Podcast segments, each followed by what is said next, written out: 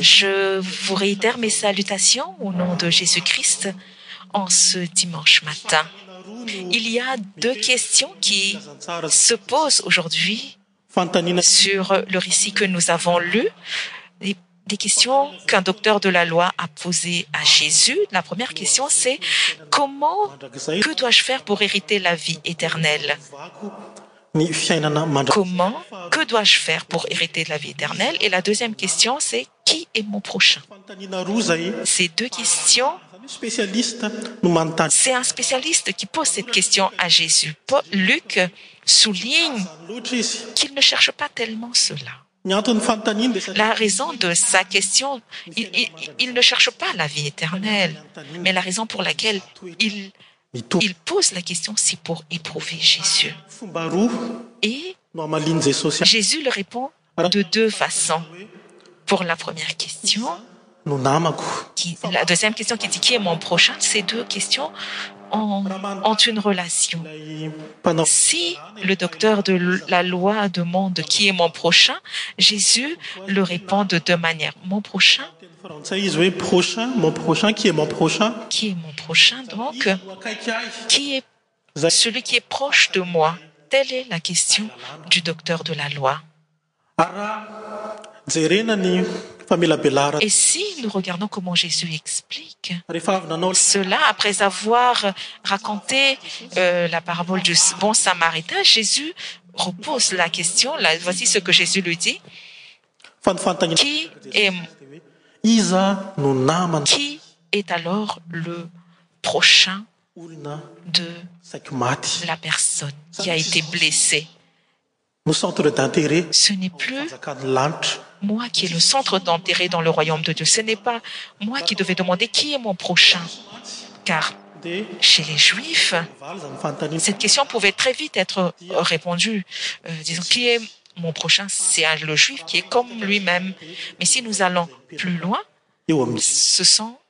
si nous allons po ce sont les étrangers qui vivent parmi les juifs ce sont eux leurs prochains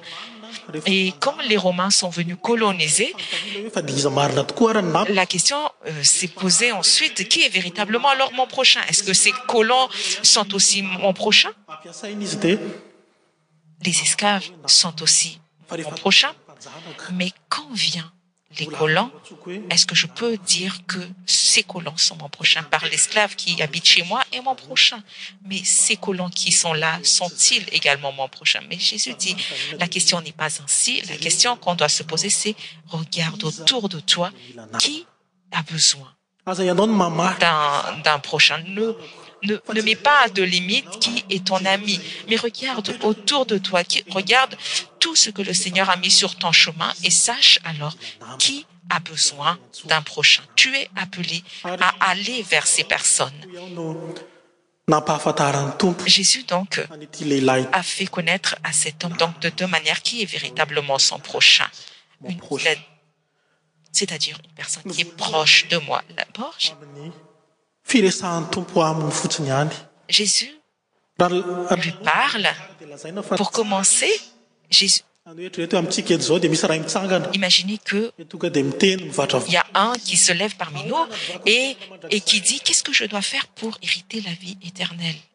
imagine un peu la scène et comment jésus lui répond jésus lui répond avec douceurs et lui dit que dit la loi et après avoir répondu l'autre insistait encore le docteur de loi insistait encore disant mais alors qui est mon prochain jésus reprit la parole avec douceurs et fait une parabole c'est une personne qi qui hausse le ton devant le seigneur mais s lui épond illa personne s'adoucit et lui-même après a répondu disant celui qui a été ptvers euh, celui qui était blessé c'est lui eele san prochainavant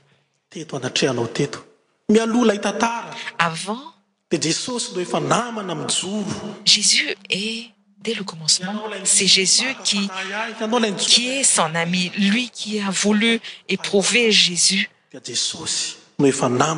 jésus était son prochain avant et fidèle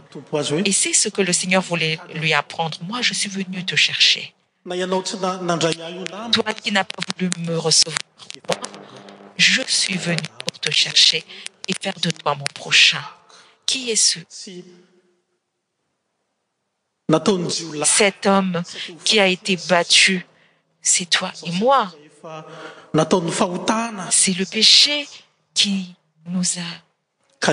tuésmais voici le seigneur a pris soin de nous nomboula nikarakaraiaet c'est lui qui a pris soin de nous et voilà pourquoi nous sommes réunis en ce lieu t nous sommes vivants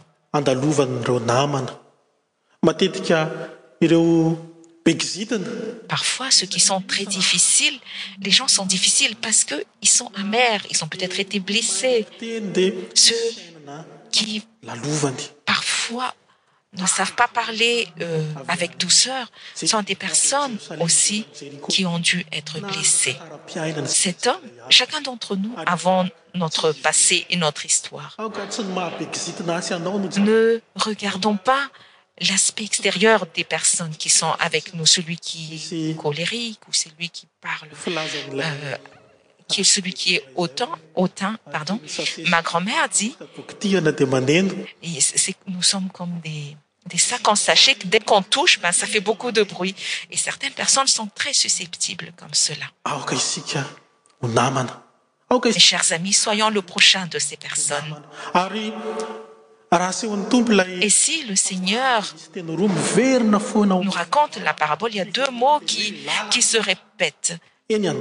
c'es le chemin donc cethomme allait donc de jérusalem à jéricho il passait donc par le désert de judée et il y avait beaucoup de brigon sur ce chemin c'est le chemin dn qui devait emprunte et dans le récit que nous avons lu il y a quelques semaines le seigneur a dit à ses disciples moi je vais vous envoyer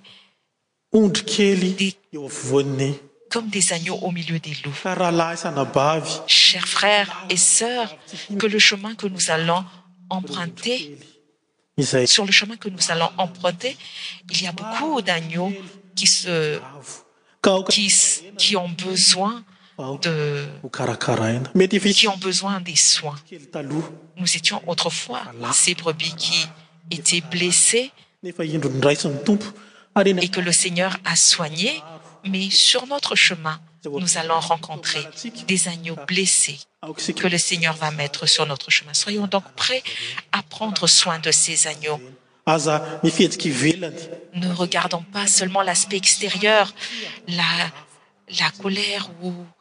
ole caractère extérieur de ces personnes mais regardons plus loin regardans que ce sont des agneaux de dieu des brebis de dieu pardo et pour terminer jésus répond à la question de ce docteur de loy il lui donne un exemple donne une histoire l'histoire du bon samaritain il lui raconte une parabole il y a dit-il qui était blessé sur le chemin cet homme voulait aller à jéricho et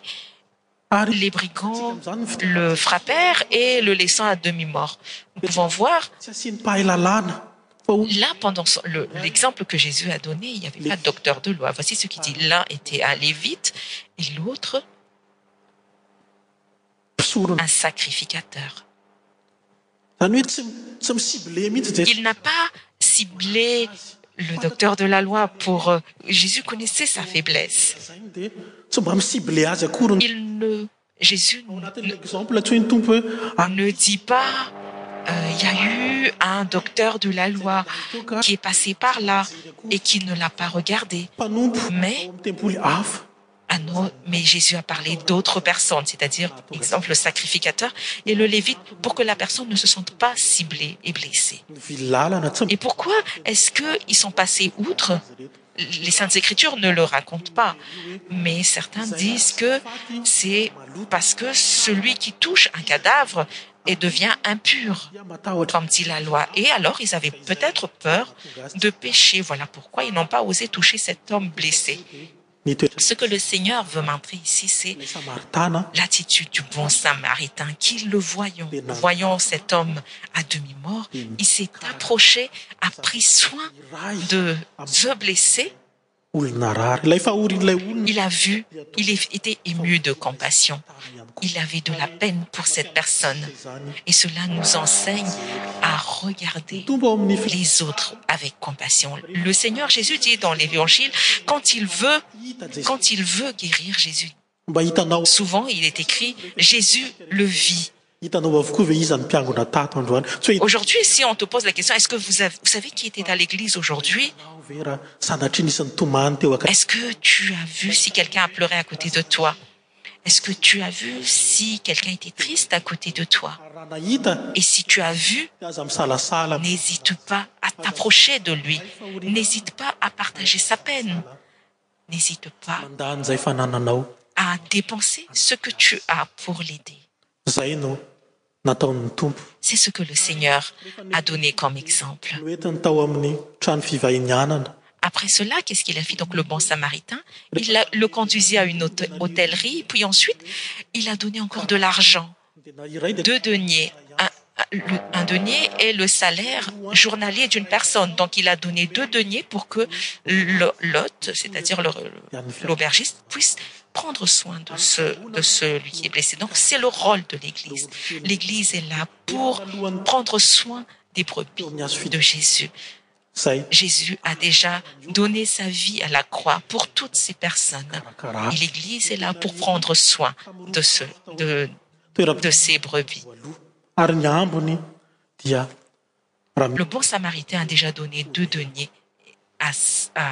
lotet lui dit si il faut encore dépenser plus dépense et je te le rendrai à mon retour et c'est ce que jésus fait également ledoceur de la loi donpose la question également à sus disant ques-ce que je dois faire pour hériter la vie éternelle a lui il y a eu un autre jeune qui a demandé à jésus qu'es-ce qe je dois faire pour hritr lavi terllee q lui o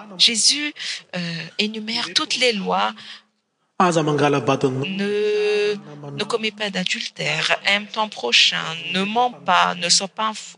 epor ps de faux tigac'sà et le eune dit mais j'i fait déjà toutes ces choses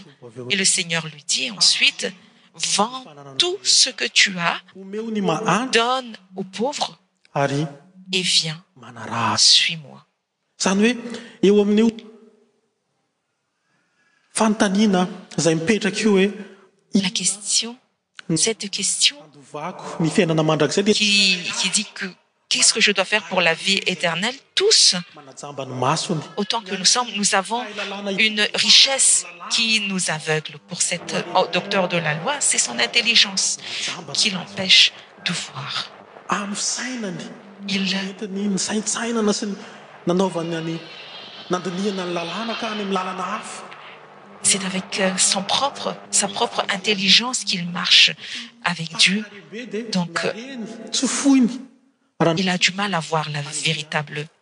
euh, vérité et ce jeune homme riche également sa richesse l'empêche de voir de suivre le seigneur et notre péricope également parle des douze disciples jésus envoie donc ses disciples pour aller prêcher la bonne nouvelle et plus tard lucdi raconte l'histoire de marth e marie inna no tinambara amzany qu'est-ce que cela présuppose le seigneur veut dire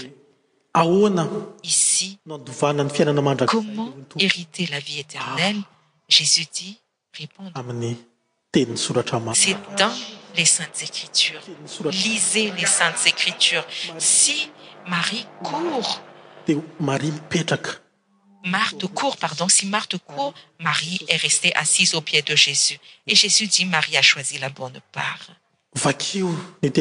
lisez les saintes écritures car c'est dans les saintes écritures que vous toruverez la parole qui donne la vie éternelle parfois nous pouvons dire